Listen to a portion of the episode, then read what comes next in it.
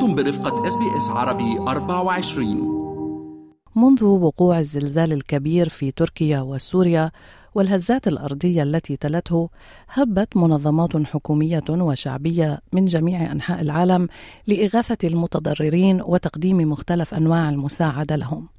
ونظرا للحاجة الماسة للمساعدات والإعانات الإنسانية الملحة دخلت SBS بشراكة مع Emergency Action Alliance وهو تحالف أعمال الطوارئ والمعروف ب EAA لدعم جهود جمع التبرعات للضحايا والناجين من الزلزال المدمر. يجمع هذا التحالف بين 15 جمعية ومؤسسة خيرية أسترالية رائدة ومنها مؤسسة كير أستراليا وتعمل جمعية كير في تركيا منذ عام 1959 وفي سوريا منذ عام 2013 وقد بدأت بالفعل بالاستجابة لهذه الأزمة الحالية بالشراكة مع الهيئات المحلية لتوفير المساعدات.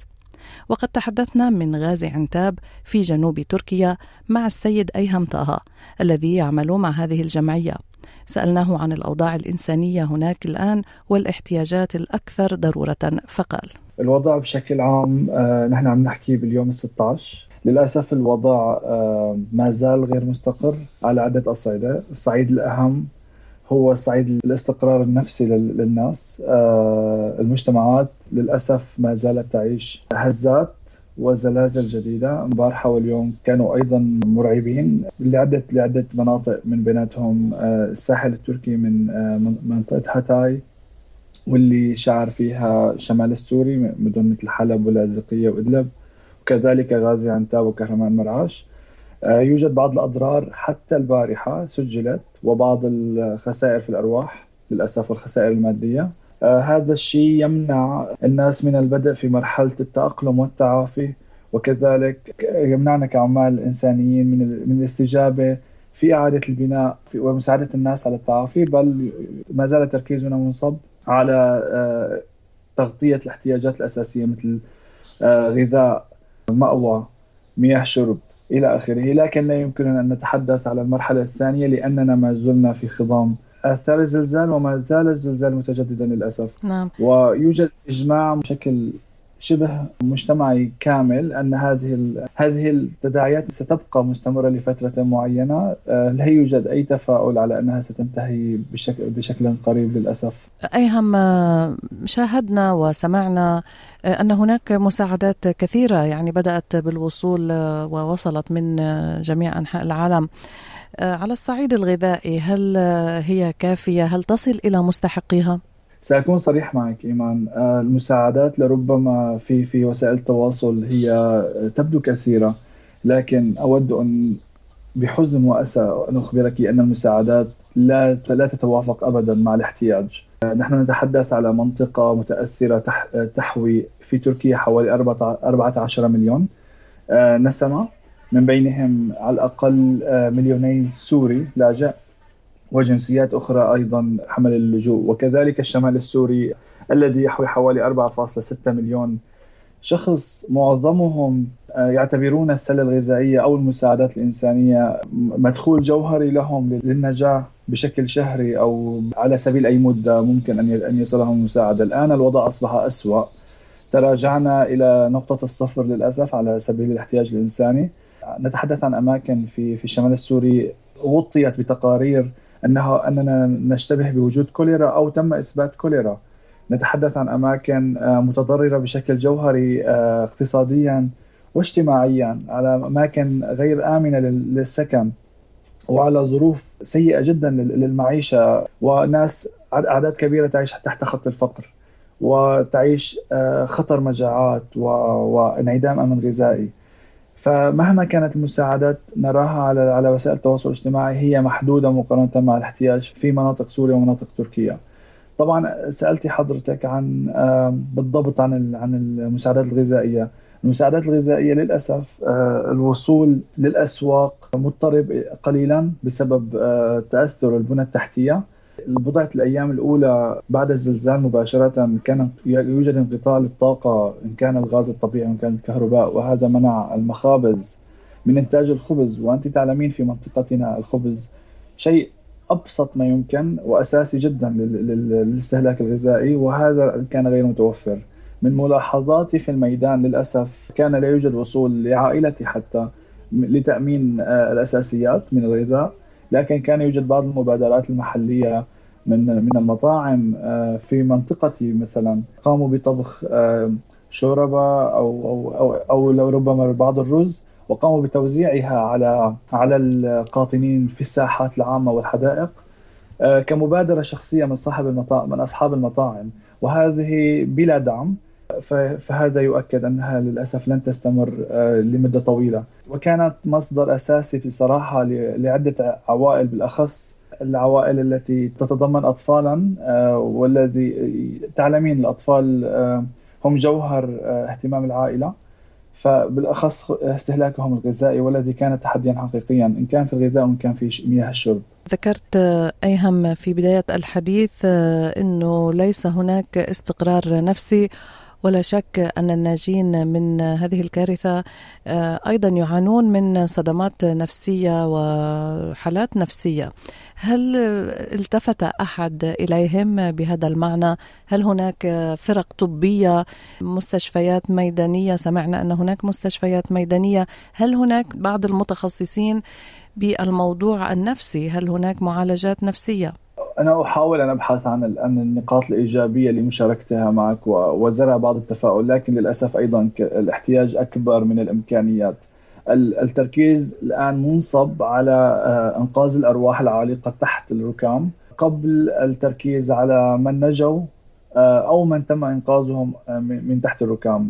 ما زالت فرق البحث والإمكانيات مسخرة جميعا للانتشال لربما بعض الناجين كل يوم نسمع صحيح أن الأرقام تضمحل الآن لكنها لكنها ما زالت موجودة عند بعض الناجين نعم. للأسف البارحة يوجد بعض الأبنية التي دمرت أيضا بسبب الزلزال الذي سجل ك 6.4 على مقياس ريختر آه، والذي أدى إلى انهيار بعض المباني في عدة مدن والتي كانت متأثرة سابقا وكانت للأسف مأهولة وأدت إلى بعض الوفيات وبعض الإصابات في عدة مناطق.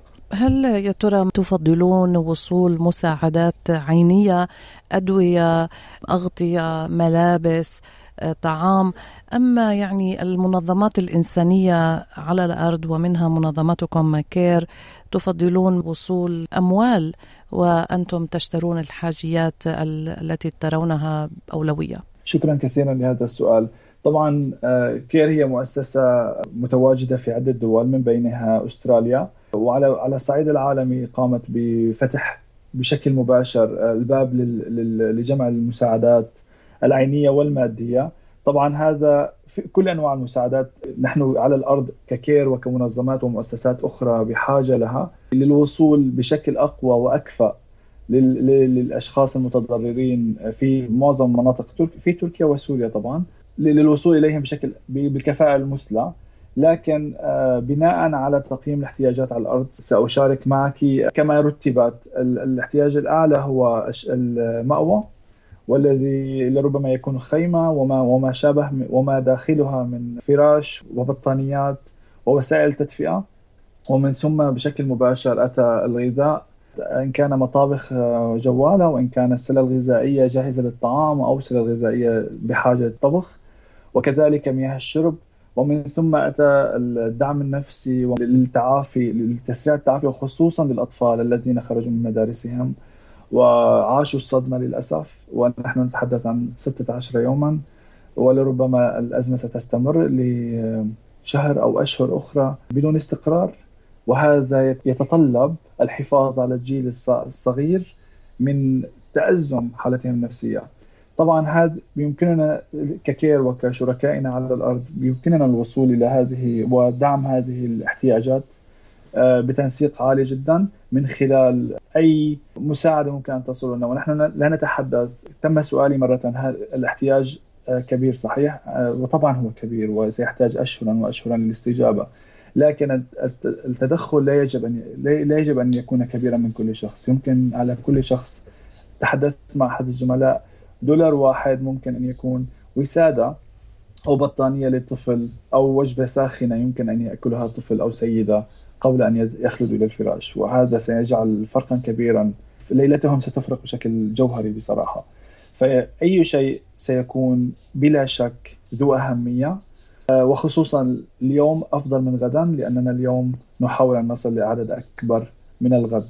يمكن في هذا الكلام أيهم يعني نضع فعلا الأمور بشكل نسبي يعني نراها أسهل. كما قلت يمكن دولار واحد فقط يصنع فرقا في حياة شخص أو عائلة أحيانا. أيهم طه هناك من يسأل أيضا عن سهولة وصول المساعدات الآن إلى سوريا إلى الأراضي السورية. فما ما هي الظروف الآن؟ شكرا جزيلا للسؤال. طبعا كما ذكرت سابقا آه، الاحتياج في سوريا كبير جدا لأن المجتمعات أصلا هي تمر بأزمات أخرى إنسانية غير الزلزال وتداعياته. نحن نعمل مع شركاء محليين على الأرض قاموا بالاستجابة بشكل مباشر للحفاظ على الأرواح وتخفيف الأضرار كذلك الأمر قاموا ويقومون الآن بتقييم ال ال الاحتياجات آه، وبناء عليه نحن نقوم بالاستجابة بشكل سريع جدا لتغطية ما يمكن تغطيته لكن امكانيات إمكانياتنا ما زالت محدودة مع ما تم رصده من احتياجات على الأرض. نحن بالتنسيق طبعا مع مكتب أوتشا ومكاتب الأمم المتحدة في في تركيا وعلى الصعيد الإقليمي نقوم بالتنسيق لإرسال هذه المساعدات من المعابر المتاحة وكذلك الأمر آه، نقوم بدعم المستفيدين بشكل بالميدان باحتياجات مختلفة إن كانت غذاء إن كانت مأوى إن كانت بعض النقد ليقوموا بتقييم احتياجاتهم وتغطيتها بشكل بشكل الامثل لربما هي صحية لربما هي تكاليف مواصلات الانتقال لمكان أمان إلى آخره. استمعتم إلى حديث مع ايهم طه الذي يعمل مع جمعية كير تركيا وقد تحدث معنا من مدينة غازي عنتاب في جنوبي البلاد. اضغطوا على ال like أو على ال share أو اكتبوا تعليقا تابعوا إس عربي 24 على الفيسبوك